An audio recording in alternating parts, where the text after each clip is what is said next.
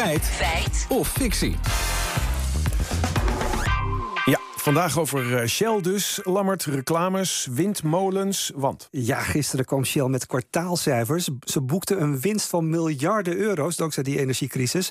En GroenLinks-Kamerlid Susanne Kreuger vindt dat Shell daarom meer moet investeren in verduurzaming. Want, zo zegt ze op Twitter, ik ben benieuwd of ook dit jaar hun PR-budget weer hoger is dan de investeringen in duurzame energie. Ook dit jaar weer, zegt zij dus. En ze zegt daarmee dat Shell de afgelopen jaren meer uitgaf aan PR en reclame dan aan investeringen in duurzame energie. En klopt dat? Nou, we dachten hier op de redactie vanmorgen heel snel klaar te zijn. Want in de vooruitblik van het jaarverslag 2020 lazen we dat er voor marketing 3 miljard dollar gereserveerd wordt. En bij het kopje Renewables en Energy Solutions blijft de teller steken op 2 tot 3 miljard dollar. Ook nog een aardig bedragje. Maar goed, duidelijk, factcheck compleet. Ja, zou je denken, maar één bron is geen bron, dus we dubbelcheckten het even. Daarvoor belden we met Jos Versteeg, beursanalist bij Insinger Gillissen. En hij zegt dat hier een behoorlijke adder onder het gras zit. Maar marketing is bij Shell de detailhandel. Eh, dat zijn onder andere de 44.000 Shell benzinestations in 75 landen. Daar bedienen ze, zeggen ze, zeg maar, elke dag 30 miljoen klanten. Het gaat dus daarover de, dus de verkoop van benzine, eh, maar ook allerlei smeermiddelen en, en zelfs ook eh, allerlei eh, detailhandelsproducten die ze bij die benzinestations verkopen. Ja, en dat hebben we ook nog even gecheckt bij Shell. En een woordvoerder van Shell bevestigt inderdaad dat dit onder marketing valt via WhatsApp. Doet Goed, dat.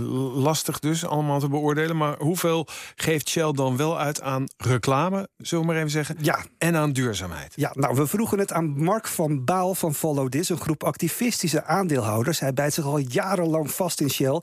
En hij wil het bedrijf via de aandeelhouders verduurzamen. Ja, hij ziet ook heel veel onduidelijkheid. Nee, dat is allebei heel erg onduidelijk. Dat kun je niet uit hun eh, kwartaalcijfers halen zoals die gisteren gepubliceerd zijn.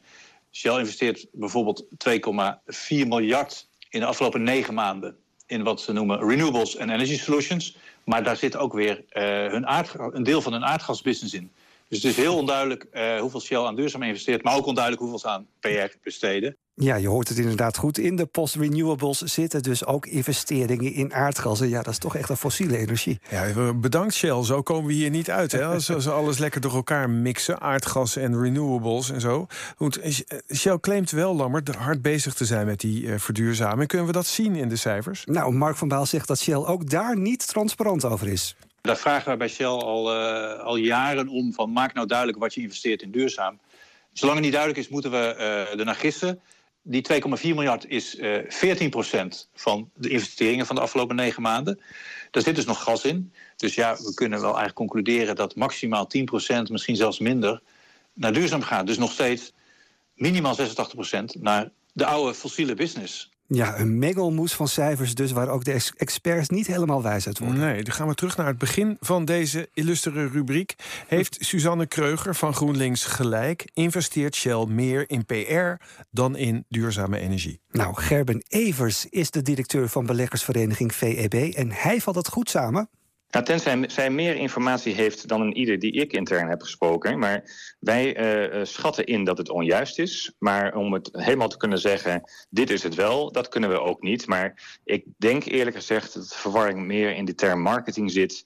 Wat het exact is, die feiten die, hebben wij ook niet. Dus daar kan ik ook niet, ik kan niet 100% zeker zeggen dat het onjuist is. Maar ik heb wel sterk de indruk. Ja, jaarrekeningen lezen. Zeker die van Shell blijkt echt een vak apart. Veel experts vinden dat Shell zeker sneller kan verduurzamen. Maar deze uitspraak van GroenLinks, of in ieder geval van Susanne Kreuger, lijkt toch echt fictie.